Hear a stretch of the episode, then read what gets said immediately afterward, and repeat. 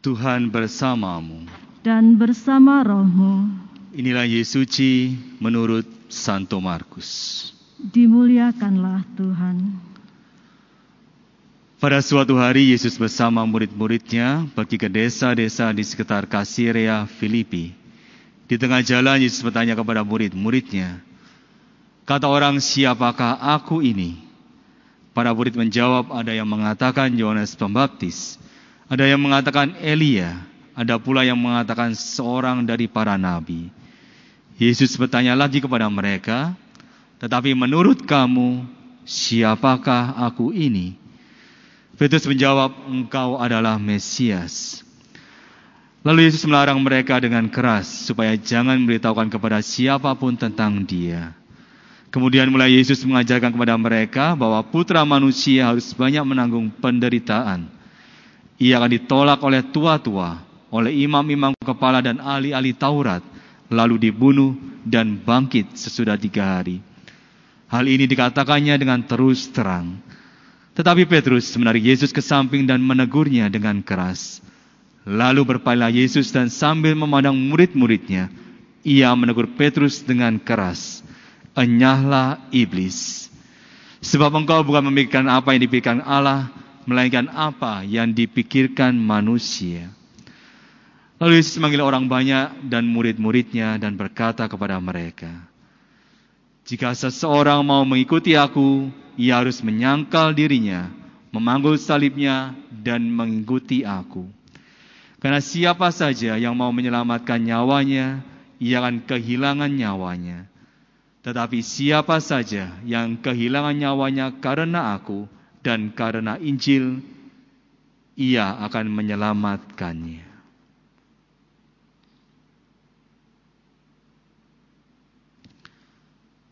Demikianlah sabda Tuhan. Terpujilah Kristus.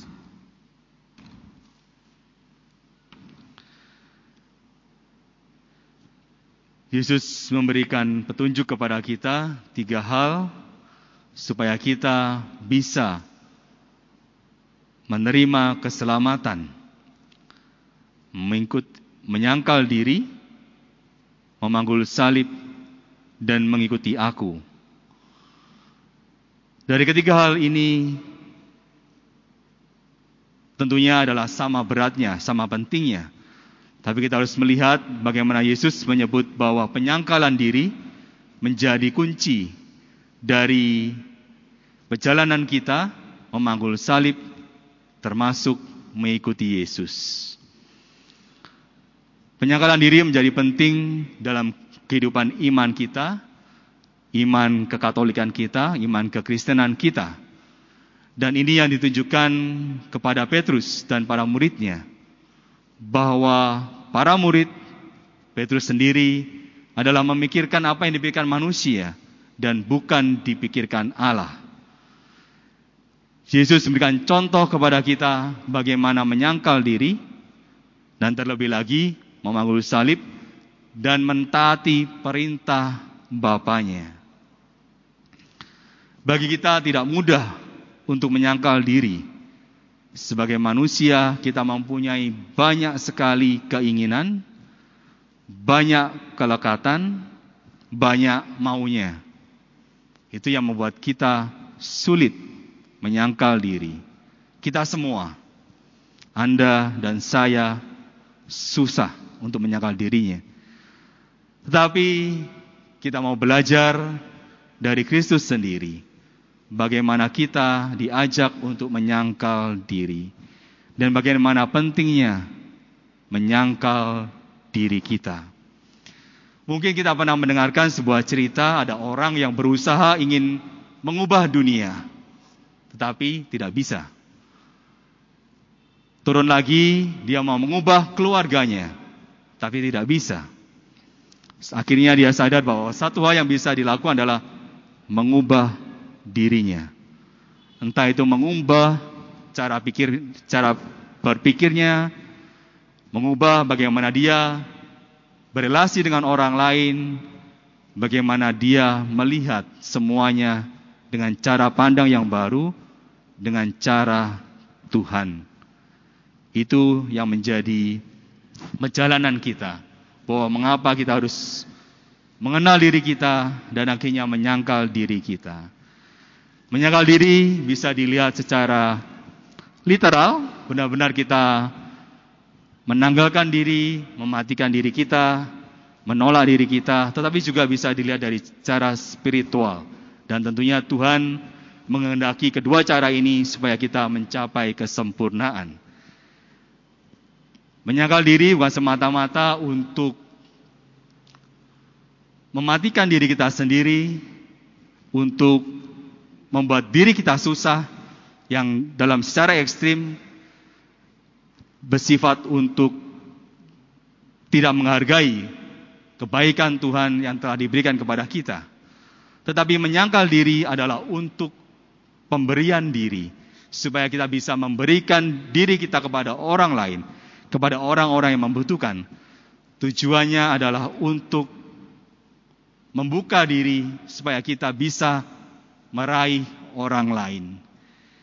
Sebagai contoh dalam keluarga kita, ayah ibu tentunya selalu berusaha untuk memberikan terbaik untuk putra-putrinya. Kita tidak bisa membayangkan bagaimana sudah jadi ayah, sudah jadi ibu, begitu egoisnya, tidak memperhatikan anaknya. Tidak mungkin. Mungkin ada. Satu dua kasus mungkin ada. Tetapi Orang tua yang normal, ayah ibu yang yang kita bisa lihat yang baik adalah orang ayah dan ibu yang selalu memberikan dirinya untuk anak-anaknya.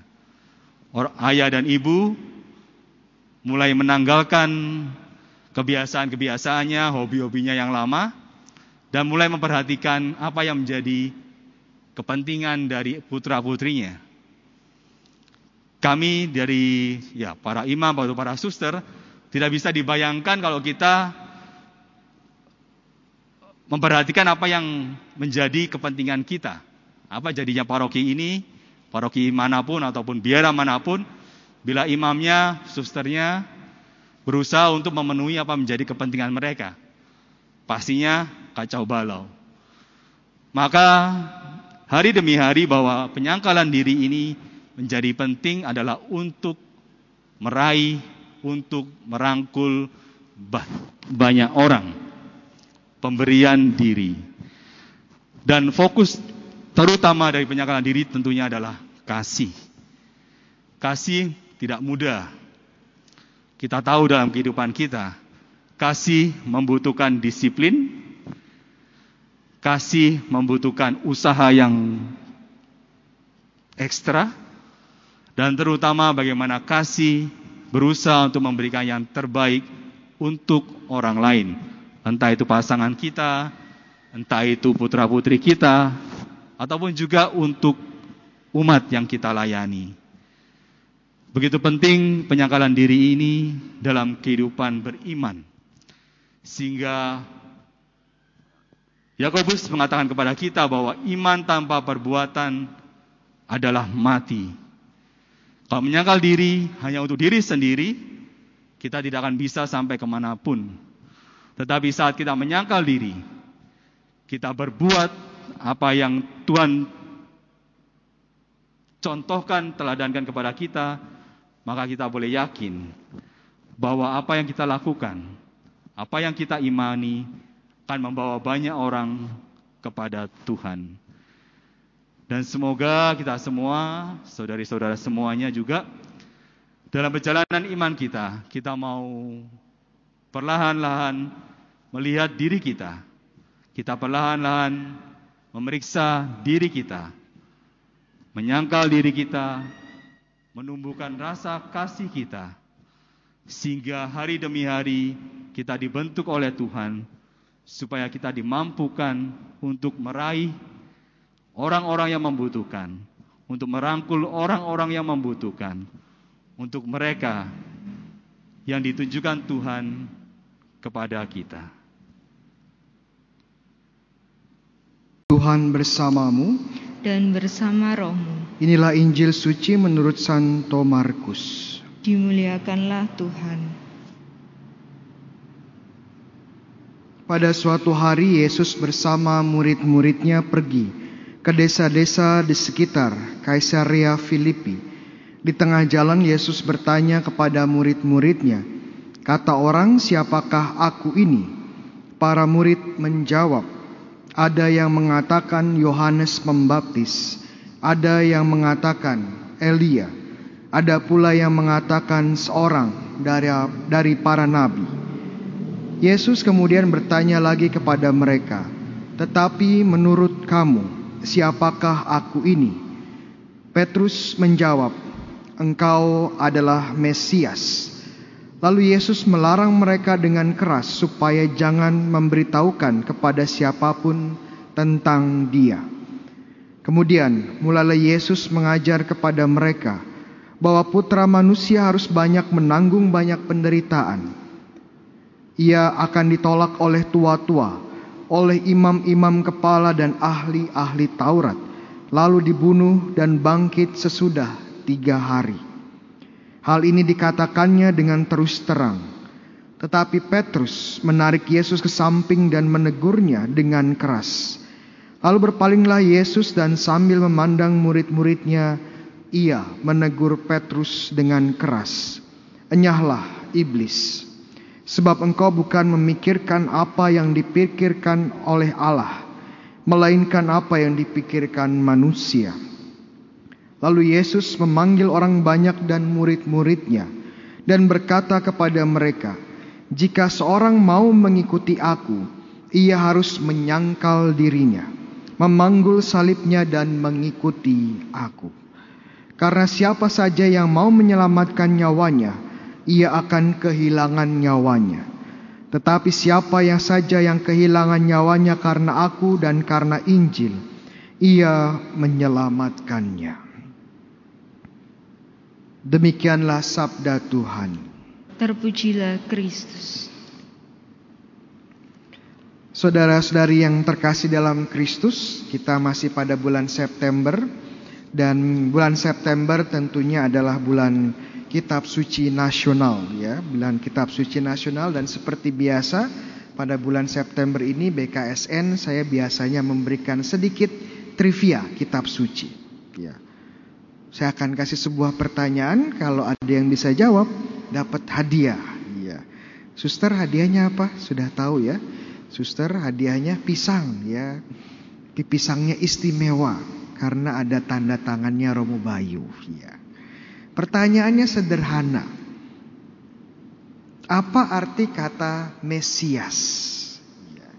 Kalau Bapak Ibu teman-teman sudah menghadiri Bible study saya kemarin malam, pasti tahu jawabannya. Ya, Mesias apa? Iya. Apa Bu? Iya, betul sekali. Mesias itu artinya yang diurapi. Mesias artinya yang diurapi. Tadi Petrus kan menjawab waktu ditanya Yesus, "Menurut kamu saya ini siapa?" Petrus menjawab, "Engkaulah Mesias." Artinya yang diurapi. Kata Mesias itu bahasa Ibrani dan bahasa Yunaninya adalah Kristos, bahasa Latinnya Kristus. Makanya kita punya Yesus Kristus. Kata Yesus Kristus Kata Kristus di situ bukan berarti nama keluarganya Yesus ya. Itu bukan marganya Yesus ya. Itu adalah gelarnya Yesus. Kristus Mesias itu sama artinya dengan Yesus Kristus ya. Yesus Mesias sama Yesus Kristus itu artinya sama. Yesus yang diurapi. Lalu pentingnya gelar ini apa sebenarnya? Kenapa gelar ini sangat sentral, sangat penting, bahkan ini selalu menempel pada diri Yesus. Mungkin kita sedikit kembali ke Perjanjian Lama. Di Perjanjian Lama, Mesias atau yang terurapi ini adalah figur-figur penting. Figur nabi itu diurapi. Ya, figur imam seperti dari Harun dan keturunannya ini adalah orang-orang yang diurapi juga. Dan tentunya yang paling terkenal adalah tokoh raja. Raja itu diurapi juga. Yang paling terkenal tentunya Raja Daud Ya, dia diurapi oleh siapa? Ada yang tahu? Pisang dua sekarang ya. Oleh nabi siapa? Nabi Samuel. Ya, jangan lupa itu. Ya, jadi Raja Daud itu diurapi oleh Samuel. Dan kata Mesias ini melekat kepada orang-orang ini.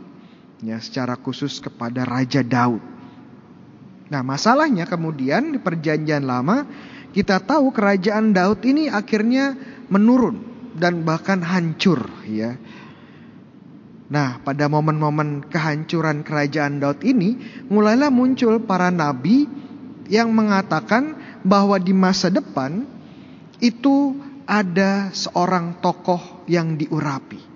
Ada Mesias yang akan datang yang akan mengembalikan kejayaan bangsa Israel. Akan ada Mesias yang lebih hebat lagi dari Raja Daud. Itu kata nabi-nabi ya, nubuat nabi-nabi.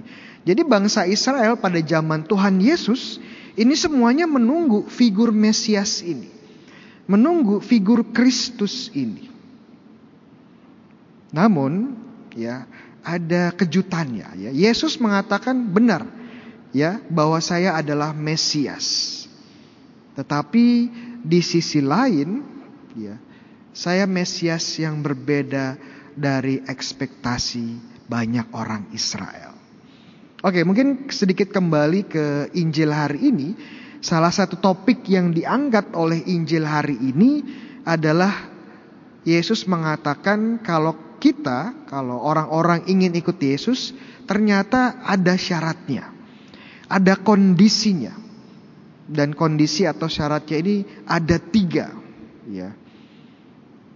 Syaratnya apa saja? Ya, doa tiap hari, baca kitab suci, bukan ya? Syaratnya apa? Pertama, menyangkal diri. Kedua, memikul salib. Ketiga, ikut Yesus. Dan syarat ini kalau kita lihat lebih dalam, kalau kita berada dalam posisi para rasul, para murid Yesus pada zaman itu, syarat-syarat ini sebenarnya hampir mustahil dilakukan. Kok bisa Romo? Kok bisa? Coba kita memposisikan diri di kakinya para rasul. Ya, waktu mendengar kata-kata Yesus ini. Menyangkal diri maksudnya apa? Menyangkal diri berarti mengatakan tidak kepada diri sendiri. Dan dalam konteksnya para murid harus mengatakan tidak terhadap rencana-rencana mereka, terhadap ekspektasi-ekspektasi dan keinginan mereka terhadap Yesus. Karena mereka ikut Yesus karena mungkin ada yang ingin disembuhkan ya, ada yang ingin terus mendengarkan pengajaran Yesus yang hebat, ada yang ingin untuk melihat muzizat-muzizat Yesus ya. Ya mungkin sama dengan banyak dari kita ya ke gereja, ikut Yesus, ikut persekutuan doa, doa novena, ingin disembuhkan, ingin mendapatkan mukjizat, ingin kaya ya. Tapi Yesus bilang kamu harus mengatakan tidak pada hal-hal ini. Kenapa? Karena saya bukan Mesias seperti yang kalian inginkan. Saya tidak seperti Raja Daud yang pandai berperang, selalu menang dalam peperangan, menjadi raja yang berkuasa secara politik dan ekonomi tidak. Saya adalah Mesias yang akan menderita dan mati. Kamu masih mau ikut saya? Kalau mau berarti kamu mengatakan tidak pada rencana-rencanamu itu. Kedua Yesus bilang apa? Memanggul salib. Kira-kira waktu Matius, waktu Yohanes, waktu Yakobus mendengar memanggul salib, apa yang keluar dalam pikiran mereka. Kalau zaman sekarang ya ditanya memanggul salib apa yang keluar dalam pikiran Bapak ya. Ada Bapak saya pernah tanya, "Pak, kalau salib bagi Bapak apa?" ya. Bagi saya salib adalah istri saya. Ya. Jadi setiap kali saya pulang ke rumah saya jalan salib promo. Ya, ya saya nggak akan kasih tahu ini bapak siapa ya. Nanti dimarahin istrinya. Tapi kalau kita dalam posisinya Yohanes, posisinya Matius, posisinya Petrus mendengar kata salib, yang keluar dalam pikiran mereka tidak lain adalah hukuman mati. Hukuman mati yang paling keji bahkan pada zaman itu. Ditelanjangi, disiksa, kemudian dipaku, disalib, ya, dipalang kayu, dan dibiarkan untuk mati pelan-pelan Jangan pikir mati di salib itu cepat, tidak. Itu bisa 3-4 hari baru mati. Jadi penderitanya luar biasa. Jadi waktu Yesus bilang kamu memanggul salib ya, sama artinya kamu harus siap menderita dan mati mengerikan. Dan ketiga Yesus bilang ikutilah aku. Ikut ke mana? Ikut ke kota Yerusalem. Kenapa? Karena kalau kita baca Injil, setelah kejadian ini, Yesus mulai pelan-pelan turun ke selatan, mulai naik ke Yerusalem. Dan kita tahu apa yang terjadi di kota Yerusalem. Dia akan bertemu dengan ahli-ahli, dengan para penguasa Yahudi, bertemu dengan penguasa Romawi, dan akhirnya dia disiksa, disalib, dan wafat. Berarti ikut Yesus ya, ikut ke Yerusalem, ya ikut jalan salibnya Yesus. Jadi kalau kita lihat dalam perspektifnya para rasul, kondisi atau syarat-syarat jadi murid Yesus itu hampir mustahil. Tapi yang mengejutkan adalah apa? Walaupun sepertinya kondisi-kondisi ini mustahil dilakukan, hampir semua rasul Kristus setia sampai akhir mengikuti Yesus. Bahkan ada yang secara literal ya ikut jalan salib dan disalib. Setidaknya ada dua rasul yang disalib sama seperti Yesus. Ada yang tahu rasul siapa? Pisang tiga, iya. Yang pertama namanya Rasul Petrus, ya Simon Petrus disalib juga di kota Roma. Cuman salibnya bagaimana agak berbeda. Salibnya terbalik. Iya, pinter ibu. Rasul kedua yang disalib siapa? Namanya? Namanya Andreas. Adiknya Petrus. Ya, cuman salibnya beda juga. Dia salibnya bentuk X. Ya. Dan rasul-rasul yang lain nasibnya juga nggak berbeda. Ada yang dipenggal, ya, ada yang digantung, ya, ada yang apalagi dilempari batu, ada yang bahkan dikuliti ya. Rasul Bartolomeus. Jadi kita bisa lihat bagaimana rasul-rasul ini ya mengikuti Yesus ternyata sampai akhir. Kok bisa seperti itu Romo? Padahal syarat-syarat ini secara manusiawi hampir tidak mungkin. Tapi kok mereka bisa ikut sampai akhir? Bisa setia sampai akhir? Jawabannya karena Tuhan sendiri yang menguatkan. Karena Tuhan sendiri yang melengkapi. Dengan rahmat Tuhan, apa yang tidak mungkin secara manusiawi menjadi mungkin. Itu dia kuncinya ya, karena para rasul tidak mengandalkan kekuatan manusianya mereka mengandalkan Tuhan. Ya walaupun kita tahu ya ceritanya jatuh bangun ya. Tapi pada akhirnya mereka menyerahkan diri kepada kuasa Tuhan. Dan akhirnya mengikuti Tuhan sampai akhir. Teman-teman panggilan untuk menyangkal diri, untuk mengikuti Yesus, untuk memanggul salib, ini tidak hanya untuk para rasul, tapi untuk kita semua. Mungkin dari banyak dari kita mungkin tidak perlu lagi memanggul salib secara literal, ya, secara harafiah. Tetapi ada dalam kehidupan kita di mana kita harus menyangkal diri dan melakukan banyak pengorbanan.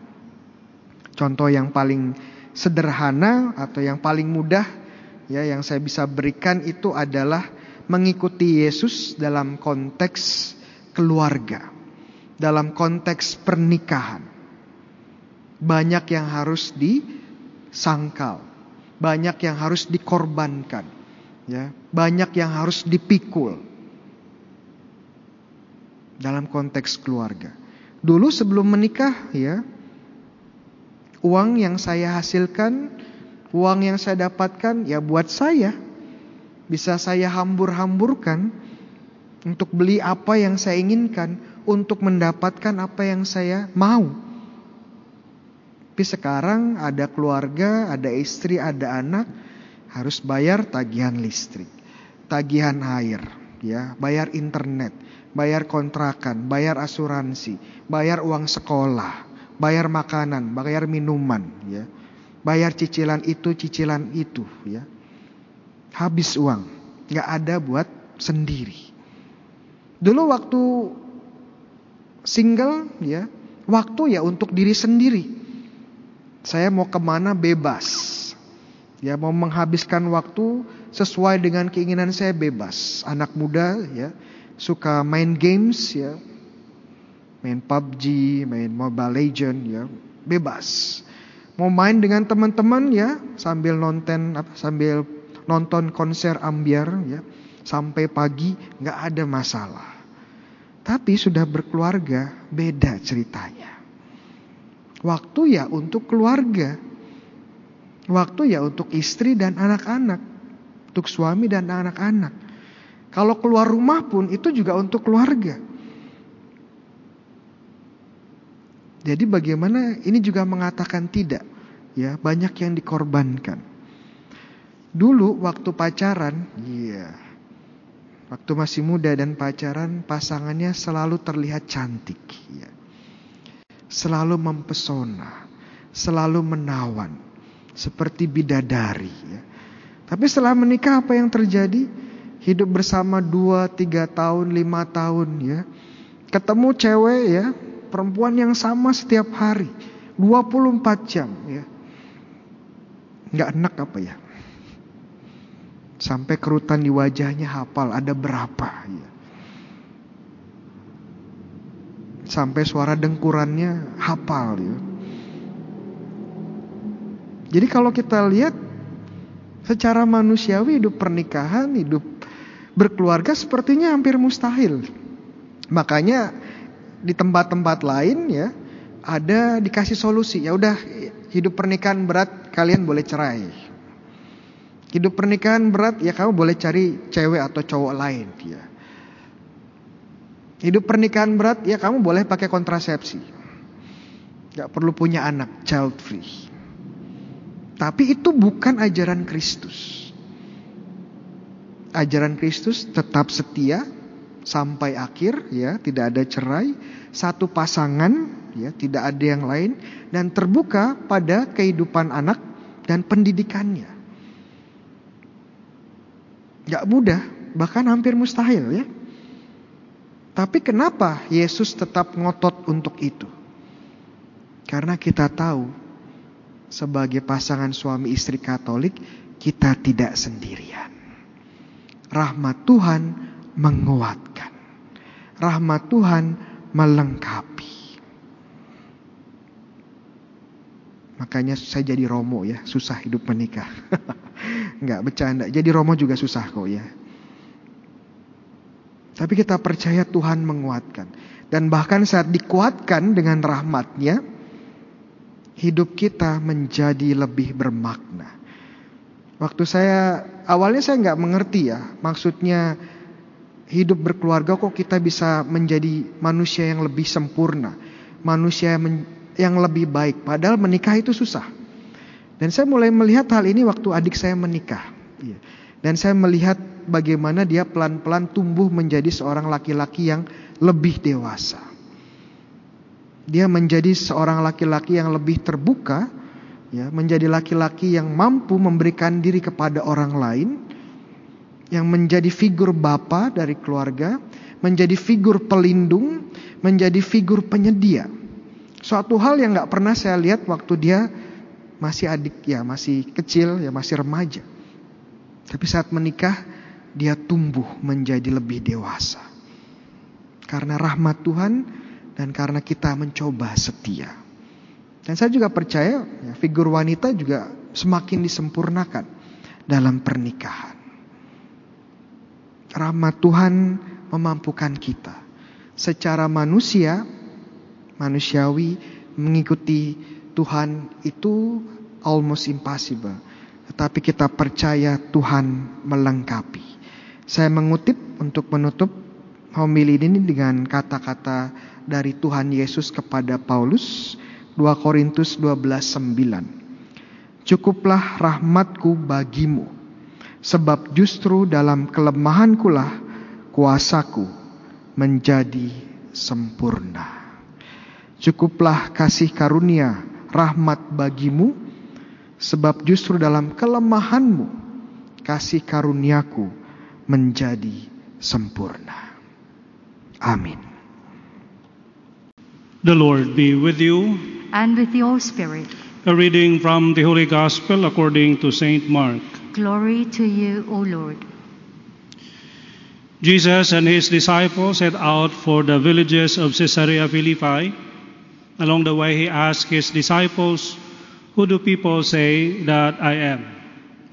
They said in reply, John the Baptist, others Elijah, still others one of the prophets.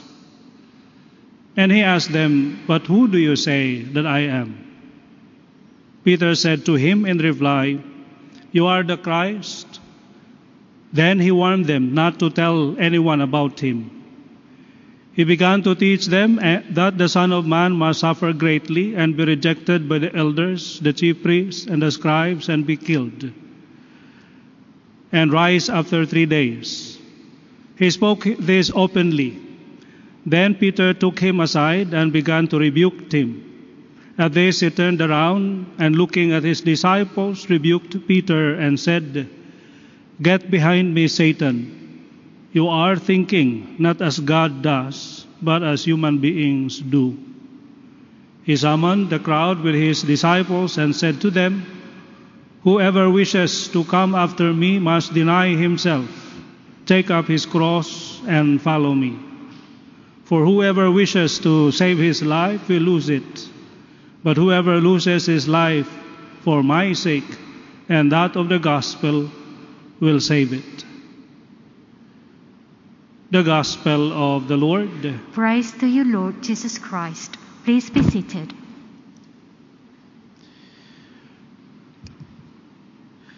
Who do people say that I am? Of course, after some time, especially when our Lord Jesus Christ started to perform miracles to the point of bringing the kingdom so real to people. After all, the kingdom is the presence of God, and the presence of God brings about joy. Well, when our Lord Jesus Christ started to make the blind see, the deaf hear, the mute speak, those who are ill cured of their illnesses, those in prison released from slavery, and even the dead are raised to life, of course, people are so happy. And this is what it meant by bringing the kingdom, or the kingdom of God is at hand, because God's presence is already very palpable, very real. You can feel it. People are so happy, Special, especially those who are cured of their illnesses. So, this is the time that uh, people come to know Jesus. But, uh, yeah, do they really know Jesus? The normal tendency is to see Jesus and compare him to the great prophets. That's why some of them thought that he's Elijah, John the Baptist. When we look at the person and assess him, we are actually uh, giving him our impression and his reputation. Reputation is who we are according to other people. But uh, what our Lord Jesus Christ would like to know is who do you say that I am? Meaning, who is our Lord Jesus Christ according to us, not according to uh, what we hear from others, only his reputation, but really this time knowing the identity of our Lord Jesus Christ, our personal experience of Christ. So, this is the invitation for us today, the first one. And that is to not to rely simply on what people say about our Lord Jesus Christ, about our God. Because God is not something that we read or we hear, but rather somebody whom we experience personally. That is why the invitation is for us to have a personal experience of God in our lives. Who do really uh, Christ is for us? So that's the question. Of course, Saint Peter at this time responded that he is the Messiah. And in another gospel version, he was praised by the Lord. But immediately after praising Saint Peter, he rebuked him. Because though his answer was correct, meaning as you look at it uh, in the uh, con- sentence construction, like our Lord Jesus Christ is the Messiah, but his understanding was still lacking at that time. Because Messiah, a Savior, he thought of our Lord Jesus Christ as Savior, as a military leader, the one that will liberate them from slavery, slavery from the Romans, uh, Roman captivity. That is why for St. Peter it was so scandalous. He could not understand how. How can he save us if he will die? That's why he cannot accept that uh, insinuation or the words of our Lord Jesus Christ telling them that he will suffer under the leaders of the church, be persecuted, crucified, die. And this last sentence, of course, uh, rise up again. They could not even think about that. They do not know what is rising up because that's beyond their perception. Now, this is the weakness of man, but also its strength. The weakness is that uh, oftentimes we don't really see and understand things around us. But that could be our strength because since we do not understand, that's an excuse for us to repent and ask for sorry. For really, we can say, I'm sorry, I did not understand. Our Lord Jesus Christ even forgave us of our sins because of that. Father, forgive them, for they do not know what they are doing. So, our challenge, therefore, is to come to know deeper, more deeply, our Lord Jesus Christ. Have Him as a personal Savior, experience Him in our lives. And how do we experience our Lord Jesus Christ? Ah, this is now the steps. First is to really deny ourselves. Because if the focus of our life is only ourselves, then we will not really go deeper into knowing our Lord Jesus Christ. Because even in our encounter of our Lord, we will end up only busy looking into ourselves. Yeah. We are only busy getting to uh, know how to satisfy ourselves. We will only come to know our Lord Jesus Christ when we are ready to sacrifice our life for Him. Because the call to know our Lord Jesus Christ is the call to love. And love is best expressed with sacrifice. And sacrifice, of course, the ultimate one is that of our life. No greater love than this, than to lay down one's life for a friend. Now, if we are not ready to even sacrifice our comforts, little, little comforts in life, how can we be expected to sacrifice the whole of our life? And therefore, our knowledge of God will always be shallow, will always be lacking of depth and greatness, simply because we sacrifice only a little, a little of ourselves. Sometimes even we promise so much to sacrifice almost everything of our life, but slowly we take it back. We take it back. So the challenge for us is really to deny ourselves. Now, denying ourselves, meaning our our dreams and promises. Now, That's why we have as model uh, the Blessed Mother. Uh, when uh, she was invited to become the Mother of God, she has to sacrifice her dream in life. Her dream was, of course, to settle down with Saint Joseph. But then, when, uh, when God, the Father, asked him to be the mother of our Lord Jesus Christ, he said yes, because it was very clear to him, to her, that her, her identity is that of the servant of God. I am the handmaid of the Lord. Let it be done unto me according to your word.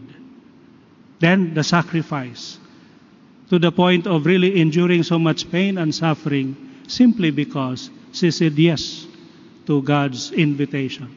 So deny ourselves and take up our cross. Now, this taking up of, of our cross can sometimes be life changing. There was the seminarian who uh, almost uh, to the uh, when he was about to be ordained as a priest, he got sick, and of course, and then eventually he died. But before his death, he wrote to his friend this uh, realization in life. He said that sometimes we are confronted with a difficulty in life where we are to choose or challenged to choose between growing in faith or losing it. Now, sometimes we have difficulties in our lives. It will come in different forms depending on our attachments. Sometimes uh, attachment to our personal dreams, to somebody, or to our health. Yeah. Then, when we have that problem, that difficulty in life, we are sometimes challenged to doubt God or to cling to Him, to believe more in Him, and to surrender to Him. Just like the seminarian, yeah, he was dreaming of becoming a priest, and now he is uh, about to be ordained. Then suddenly he got this illness, and making it impossible for him to attain his dream. Then he would he could have asked the question, why? And then begin to doubt about God, His goodness, His kindness, His love. But no, he made his choice because this is now a choice between growing in faith or losing it. I just uh, remember now the one of the one of my batchmates uh, in the seminary. You know, uh, there were three of us from high school, classmates, high school, classmates in high school, who entered the seminary: the valedictorian, the salutatorian, and the first honorable mention. So there were three of us. Now, one of the three, the, actually the salutatorian, was uh, a fan, an avid fan of Nora Honor, Nora, Noranian, one of the uh, superstars at that time in, in, in, in Philippines, Manila. Then he had his doubts of really uh, entering the seminary or not, because as an achiever, he could have opted to uh, pursue a degree, a different one. But one of the professors, our professors who actually also entered and left the seminary, told us that if you enter the Dominican order and go to Manila, because we are from the south, you will be near the place of Nora Honor. of course, it, he did not enter because of that, but that could have been part of his excitement. Why he entered and, of course, uh, became a seminarian. The chance of meeting his idol, uh, meeting the, uh, the superstar. But actually, it's not true. because Santo Domingo, our convent, is far from being near to the house of this uh, superstar. But that sometimes happens to us. We pursue, we, we, we follow our Lord for the wrong reasons, for the impure ones. It could be a good, uh, a valid start, but it will not sustain us. Because when the going gets tough, then we will be challenged and we will be asked, shall we pursue, continue to follow our Lord, or to stop and search for another option? Because the way to heaven is through Calvary. There's no other way. We will have our share of difficulties. Though how much we be careful in life, though how much we be good in life, we will suffer. We will have our share of purification. We will have our share of difficulties. The good thing is, just like a good leader, our Lord, our God, does not ask or demand from us to carry our cross without Him leading the way. Ah, that's the sign of a good leader. When Winston Churchill called for volunteers or for his countrymen to fight for the country, he did not offer them victory. He did not offer them comfortable life. But rather, he was so candid in tell- telling them that this can cause your death, suffering, and so much pain. But if ever you die, you die a noble death. And of course, much more like this, the invitation of our Lord. When we follow Him, when we try to be faithful to our calling, we cannot avoid suffering because that is God's way. And uh, this is not a suffering that is for the sake of suffering, meaning our God loves us to suffer. No, but rather, this is just the price. This is just a way, a means, a very temporary one, because beyond the cross is so much joy and so much uh, happiness. So much happiness. But we have to endure it. And this is the invitation for us today. First is to cling to the fact that our Lord Jesus Christ, our God, is the only destination in life. The difficulty is if we were to follow Him, we have also to follow His way. And His way is that of the cross. So we be ready. Time will come. We will be challenged to grow in faith or to lose it. We may follow the footsteps of those who have gone ahead of us, the saints, who after being challenged and confronted with his suffering, they were able to deny themselves their sense of comfort, even their dreams, just to be faithful to God. Take up their cross and followed Christ. Amen. Tuhan bersamamu. Dan bersama rohmu. Inilah Injil suci menurut Santo Markus. Dimuliakanlah Tuhan.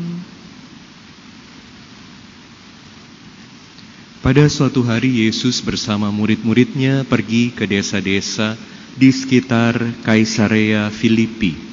Di tengah jalan Yesus bertanya kepada murid-muridnya, "Kata orang, siapakah aku ini?" Para murid menjawab, "Ada yang mengatakan Yohanes Pembaptis, ada yang mengatakan Elia, ada pula yang mengatakan seorang dari para nabi."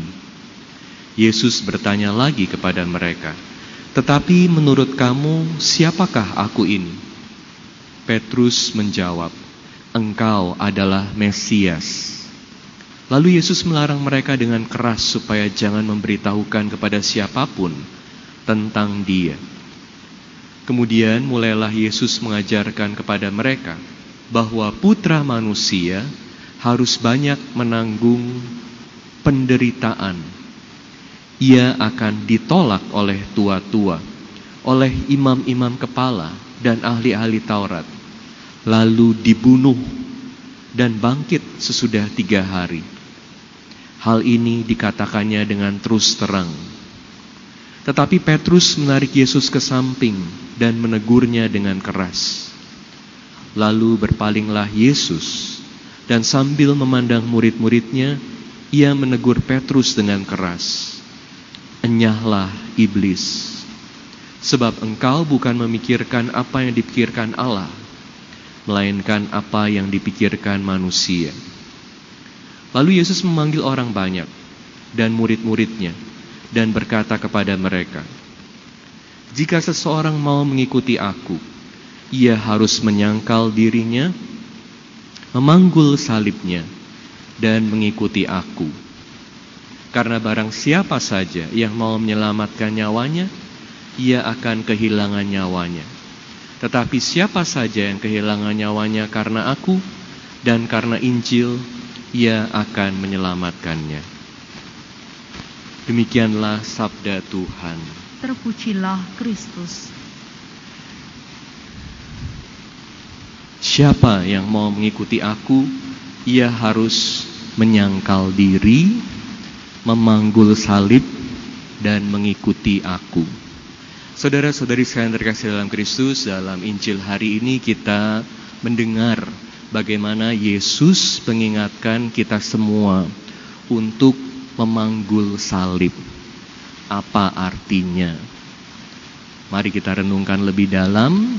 Pertama, apa arti salib? Kedua, apa arti menyangkal diri? Ketiga, apa arti mengikuti Yesus? Salib. Kita ingat tentu ketika kita berbicara tentang salib bahwa salib itu adalah penderitaan yang paling dalam. Penyiksaan yang paling luar biasa salib bukan sekedar bertujuan untuk membunuh yang disalibkan, tapi untuk membunuh dengan pelan-pelan, dengan penyiksaan. Oleh karena itu, salib dilihat sebagai kebodohan, kegagalan, penderitaan. Siapa yang bersedia pikul salib? Kenapa Yesus mau disalibkan? Salib adalah pernyataan kasih Allah kepada manusia, kepada kita semua. Sekali lagi, salib adalah pernyataan kasih Allah kepada kita semua. Allah bisa menyatakan dirinya dengan berbagai cara Allah bisa memperkenalkan dirinya sebagai seorang yang melakukan banyak mujizat yang luar biasa, yang hebat, yang punya pengaruh, yang bisa melakukan banyak hal, melipat gandakan roti dan ikan cukup buat ribuan orang. Allah bisa memperkenalkan dirinya sebagai seorang yang sangat hebat. Dan tentu ini adalah bagian dari hidup Yesus memperkenalkan dirinya sebagai yang maha kuasa karena Yesus adalah Allah sendiri yang menjadi manusia. Tetapi Yesus tidak berhenti di situ. Kalau Allah Maha Kuasa bisa melakukan banyak hal, lalu apa artinya buat kita? Yesus bersedia disalib untuk mengingatkan kita semua Aku adalah Allah yang Maha Kuasa, tapi juga Allah yang sangat mencintai semua orang, semua umat manusia. Makanya Yesus menyatakan ini kepada murid-muridnya. Tetapi murid-muridnya tidak bisa mengerti. Petrus tidak bisa mengerti. Makanya Petrus menolak perkataan Yesus yang mengatakan bahwa dia akan ditolak dan menderita. Seharusnya seorang Mesias itu harus diterima, berpengaruh, dan hebat. Tetapi Yesus adalah Mesias yang tidak seperti apa yang dipikirkan oleh murid-muridnya. Makanya salib adalah buat orang yang tidak mengerti dilihat sebagai penderitaan, kebodohan. Bagaimana dengan kita? Lalu, apa artinya menyangkal diri? Kenapa kita perlu menyangkal diri? Menyangkal diri artinya ini kita mengosongkan diri. Karena sering kali dalam hidup, hidup kita ini dipenuhi hanya dengan aku, aku, dan aku saja. Salib adalah pengosongan diri yang paling dalam, yang paling sempurna. Makanya kita semua diajak untuk mengikuti Yesus. Kalau mau ikut Yesus, pikul salib. Salib menjadi kontras dengan kekuasaan dunia Kenapa Yesus disalib? Yesus disalib secara sejarah dunia itu karena ada orang-orang atau banyak orang-orang yang merasa tertantang, yang merasa hidupnya jadi ada dalam bahaya. Karena ini ada orang yang dilihat sebagai Mesias yang membawa pandangan baru, yang melawan kaisar, pemerintah yang berkuasa. Makanya salib dan kuasa, kuasa dunia ini menjadi sangat bertentangan. Kalau mau ikut Yesus, kita perlu belajar mengosongkan diri, menyangkal diri. Karena kita sering kali menjadi manusia yang sangat penuh dengan keakuan. Maunya jadi pusat, maunya jadi paling hebat, maunya jadi dibilang paling cantik, paling pinter, paling berpengaruh, paling sukses. Semua tentang aku.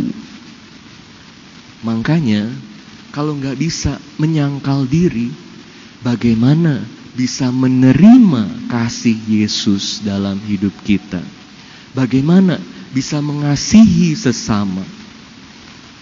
Zaman sekarang, dan ini sering kali saya katakan dalam um, pemberkatan pernikahan, kenapa ada banyak keluarga pecah?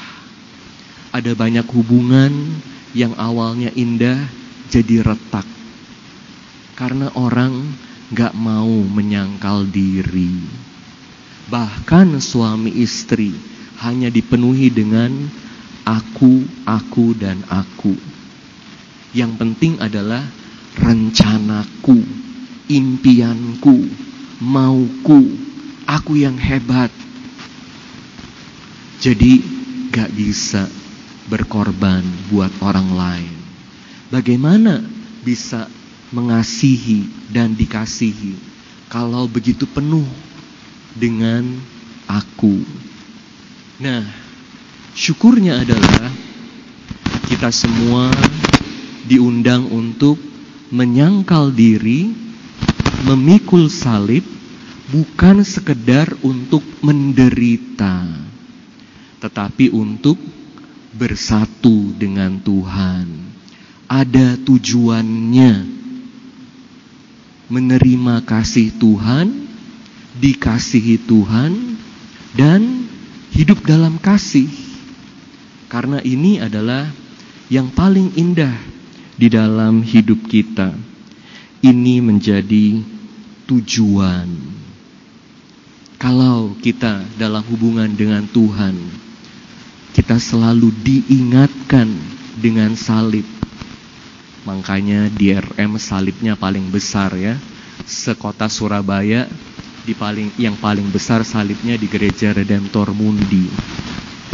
Ini bukan untuk nakut-nakutin kita, tapi untuk selalu mengingatkan bahwa kasih Yesus itu selalu hadir buat kita. Kasih Yesus adalah bagian yang sentral dalam hidup kita sebagai orang Katolik.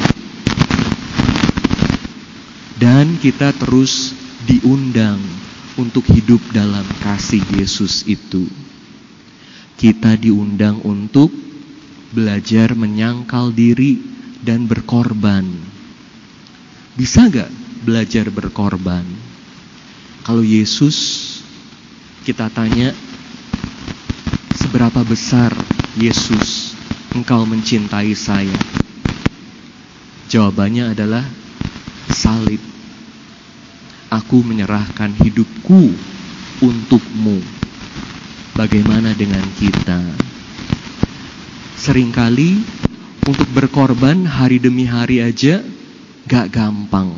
Tapi kita harus latihan. Kalau mau jadi pengikut Yesus, latihan. Belajar mengerti orang lain. Belajar mendengarkan. Mendengarkan aja susah loh. Belajar mengerti suami, mengerti anak-anak, mengerti romo.